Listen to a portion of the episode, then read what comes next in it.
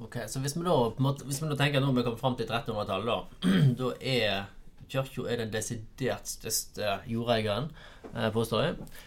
Og bøndene er legelendinger, stort sett. Og um, Og de er blitt kristne. De er katolikker, egentlig. Ja. Det er, I prinsippet så er det jo sånn som du sier nå, Ja. selvfølgelig. Ja, Men så kommer svartedauden. Eh, hva Råker den eh, Osterøy hardt, eller slapp vi lett unna? Nei, det, den rammer jo eh, Osterøy til liks med egentlig hele landet.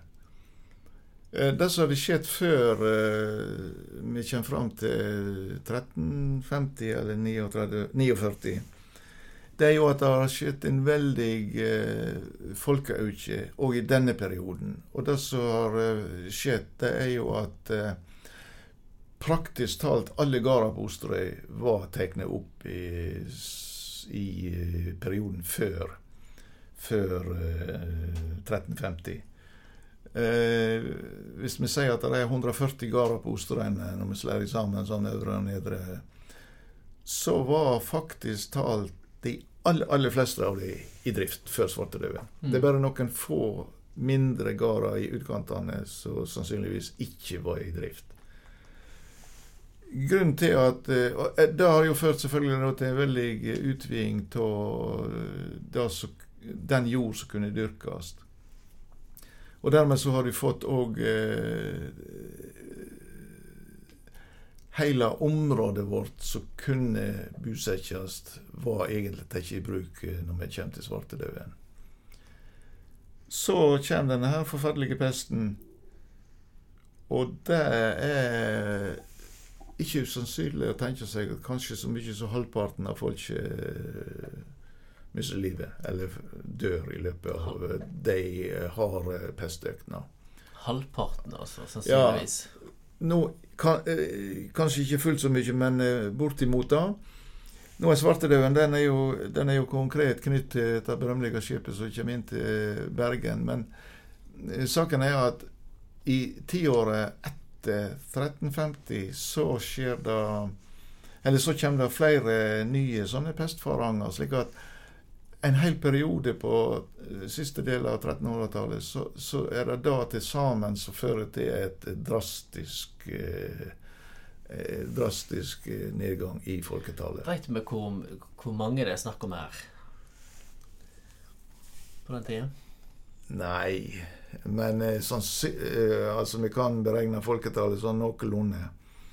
Men eh, det er, ikke, det er ikke på noen annen måte enn ut ifra de gårdene som sannsynligvis var i bruk, og anslagsvis hvor mange brukere vi kan følge. Så var det kanskje rundt 2000 mennesker som bodde på Osterøyene. Kanskje vel da, Ja. på det meste. Og slik at en god del av dem, altså nesten halvparten iallfall, da kan vi anta forsvant i løpet av en, eh, noen tiår. Det må jo ha vært helt forferdelige år å, å leve der. De må jo ha vært veldig redde. Selvfølgelig. Og øh, hvis da at de fikk den verste varianten av pesten, så dør de jo i løpet av noen dager. Mm. Og øh, selvfølgelig, det var jo veldig øh, smittsomt, så det var, gjorde forferdelig innhogg i, i folket. Og det, det ser vi jo òg på den måten at eh, eh, vi har eh, skattelister, eller de første skattelistene som gir et noenlunde dekkende bilde. Det, og da er vi kommet fram til ca. 1520. Altså en eh, 170 år etter pesten begynte. Men sjøl da, så mange år etterpå, så er ikke alle gårdene tatt i bruk igjen som, som må ha vært i drift før svartedauden. Det er faktisk først når en kommer rundt midten av 1600-tallet, da er det alle gårdene som var i drift før svartedauden. Det er da først de eh, kom i drift. Det tok 300 år egentlig å komme tilbake igjen på fote. Nærmere 300 år, ja. Fikk svartedauden andre konsekvenser. Ja, den fikk jo den kanskje merksnodige konsekvens at eh, de som tross alt overlevde, de må en regne med fikk det bedre. På den måten at eh, mange av de beste gårdene ble selvfølgelig òg ramma. Sånn at en, en må gå ut ifra at en eh, del av de som overlevde, de kunne rett og slett flytte inn, overta bedre gårder enn det de i utgangspunktet kanskje hadde. Ja. Eh, Og det er jo vanlig å regne med at det skjedde en slags sammentrekking av, eh, av befolkningsmønsteret pga. at det var såpass mange gårder som ble ledige etter svartedauden slo til. ja. Så det høres litt uh, snodig ut, men uh, de som overlevde, de uh, kan en kanskje gå ut ifra det bedre etter svartedauden. Mm.